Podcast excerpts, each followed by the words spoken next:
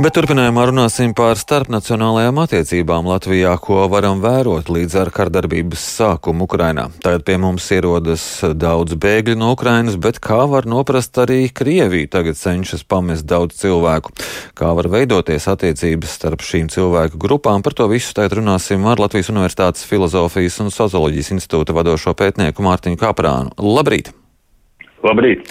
Vispirms, kā jūs raksturotu starpnacionālās attiecības Latvijā pirms kara sākuma Ukrainā un tagad, kad šī kara darbība notiek, vai ir vērojams kādas izmaiņas?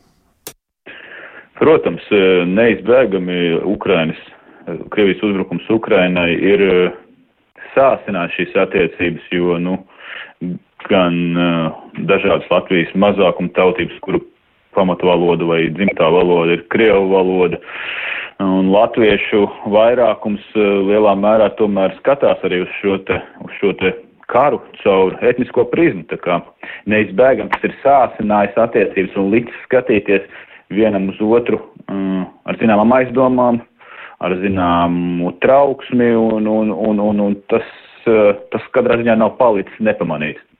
Par to nav šaubu, un to mēs droši vien katrs esam redzējuši arī ikdienā, pamanījuši kaut kādā veidā. Bet pirms šīs eh, kara darbības, kā jūs raksturot, kāda bija mm, šīs attiecības? Nu, tās bija citādākas katrā ziņā, jo nebija karš, un uh, kaut kādā ziņā tās bija mērena, līdzās, eh, mēreni mierīga līdzās pastāvēšana, un, un tās tā, tādas šīs attiecības faktiski bija saglabājušās, un ir saglabājušās, par laimi ir saglabājušās līdz pat šodienai, bet tie motīvi un, un tas satraukuma avots ir pilnīgi cits, jo, nu, šāda mēroga uh, karš un tik tuvu Latvijā pēc neatkarības atjaunošanas nav bijis, uh, un, un, un, un līdz ar to arī um, etniskais plam, etnisko attiecību sācinājums arī nav bijis pamats etnisko attiecību sācinājumam tik ļoti. Bet es nevēlētos arī pārspīlēt, jo nu, mēs kopumā redzam sabiedrībā, zināmā mērā, visās uh, etniskajās kopienās, etniskajās grupās izpratni, nestoties to, ka, uh, protams, ir pamanāmi uh, sagatavoti provokātori, kas mēģina kaut ko iegūt no šī visa satraukuma, bet nu, tie ir katrā ziņā mazākumā, un es domāju, ka tie arī ir tie, ar kuriem mūsu drošības iestādes cenšas strādāt un kurus mēģina uzraudzīt. Bet eh, tagad eh, šīs eh, bēgļu grupas būs, ir šī jau bēgļu grupa no Ukrainas, un iespējams arī Krieviju centīsies pamest un Latvijā ierasties cilvēki no Krievijas. Vai šo cilvēku klātbūtne kaut ko mainīs? Nu, tas, protams, ir interesants jautājums, kā, tas, kā un vai tas mainīs. Katrā ziņā mēs redzam, ka kopumā Latvijas sabiedrībā, un šeit varbūt arī atsaucos kaut kādiem datiem manā rīcībā esošiem, absolūti lielākā sabiedrības daļa atbalsta šo bēgļu uzņemšanu.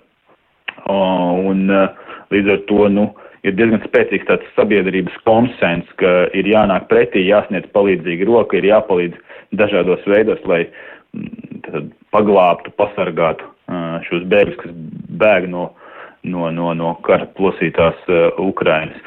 Bet, uh, jā, nu, uh, Latvija nav viendabīga, un arī, un arī cilvēki ir dažādi. Mē, mēs pēdējās nedēļas laikā esam pamanījuši, personīgi es dažādos veidos izmantoju dažādus uh, informācijas avots, ka, uh, nu, ka, ka ir mēģinājumi kurināt šo te uh, pret bēgļiem vērsto noskaņojumu, speciāli kaut kā cenšoties diskreditēt Ukrainas bēgļus. Un tā bija tad apzināta kampaņa dažādos sociālās tīklošanas vietē, vietnēs.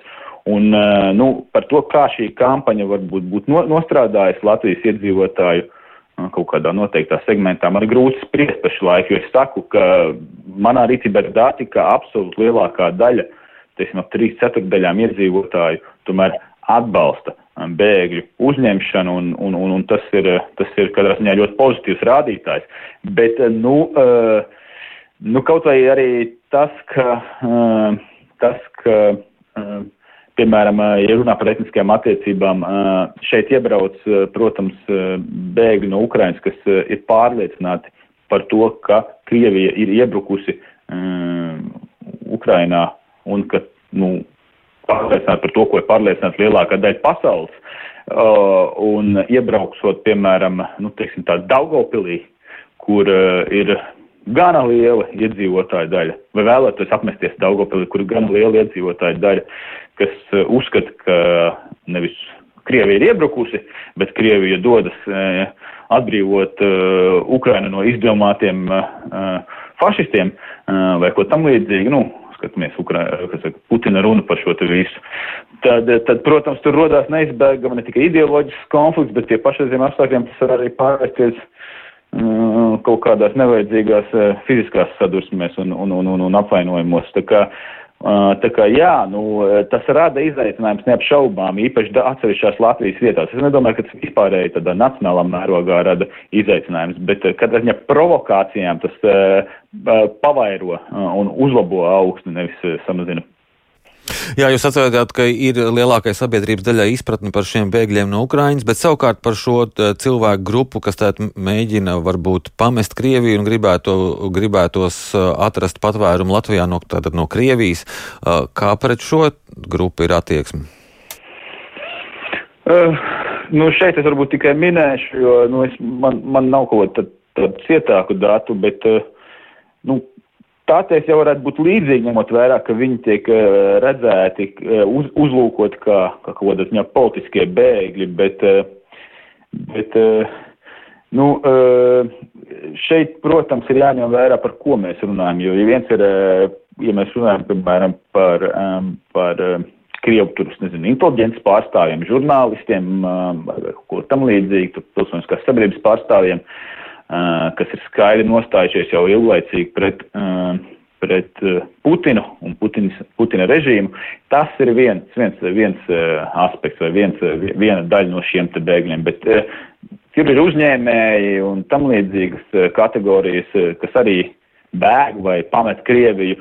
Un, protams, tur tik viennozīmīgi nevar pateikt, ka visā Latvijas sabiedrībā šis tiks uztverts, nu tā, teikt tā nepārprotami, jo, nu, tas, protams, atgādina arī veco labo jautājumu par uh, pastāvīgās uzturēšanās atļaujām, kas Latvijā ilglaicīgi darbojušās un kur šeit no Krievijas brauca cilvēki, kur ieraudzījuši varbūt stabilākus dzīves apstākļus nekā Krievijā, iegādājas īpašumu un tādā veidā ieguva arī šīs pastāvīgās iedzīvotāju atļaujas. Bet, jā, nu, protams, šis, šis, šis arī rada interesants izaicinājums, jo galu galā Latvijas krievalodīgie un krievi ko es tomēr nu, nošķirtu īpaši šī konflikta kontekstā, jo nu, dažādas tautības dažādi skatās šo konfliktu. Vietējie Ukraiņi un Baltkrievi ar, ar, par kārtu mazāk cenšas iekrist kaut kādos tur, te, mm -hmm. Kremļa izmestajos ideoloģiskajos slazdos, kā skatīties uz šo konfliktu. Bet jā, nu, tad visi šie Latvijas mazākuma tautības, kuras šeit jau vairākās paudzēs ir dzīvojuši, viņi jau neuzskata sevi par Krievijas krieviem. Viņi uzskata sevi par Latvijas krie, nu, mm -hmm. krievalodīgiem vai Latvijas, Baltkrieviem, Ukriem. Un, un tādā veidā viņi, protams, eh, tos, kas iebrauc šeit no Krievijas, eh, nu, kaut kādā ziņā redz kā svešiniekus. Un arī Jā. tie, kas iebrauc no Krievijas, redz viņus kā svešinieks. Tā kā tur ir zināma, zināma, zināma rīvēšanās iespējama. Jā, un vēl pavisam īsi, cik liels bažas jums rada šie datumi 16. marts un 9. maijas īsumā pavisam? Jā, nu 16. marts, es domāju, ka Tur bažas ir mazākas, tas ir mazskaitlīgāks pasākums, un pašlaik neizskatās, ka būtu īpaši mobilizēšanās notikusies, un pašlaik joprojām ir diezgan apmulsušas abas puses, kuras parasti šajā 16. martā konfliktējuši. 9. maijs man rada lielākas bažas, jo ir, tas ir vērienīgāks pasākums, un, un arī tas ir izraisījis jau tagad pēdējās nedēļās ar pieminekli tieši tādu uzmanību diezgan lielu sabiedrības.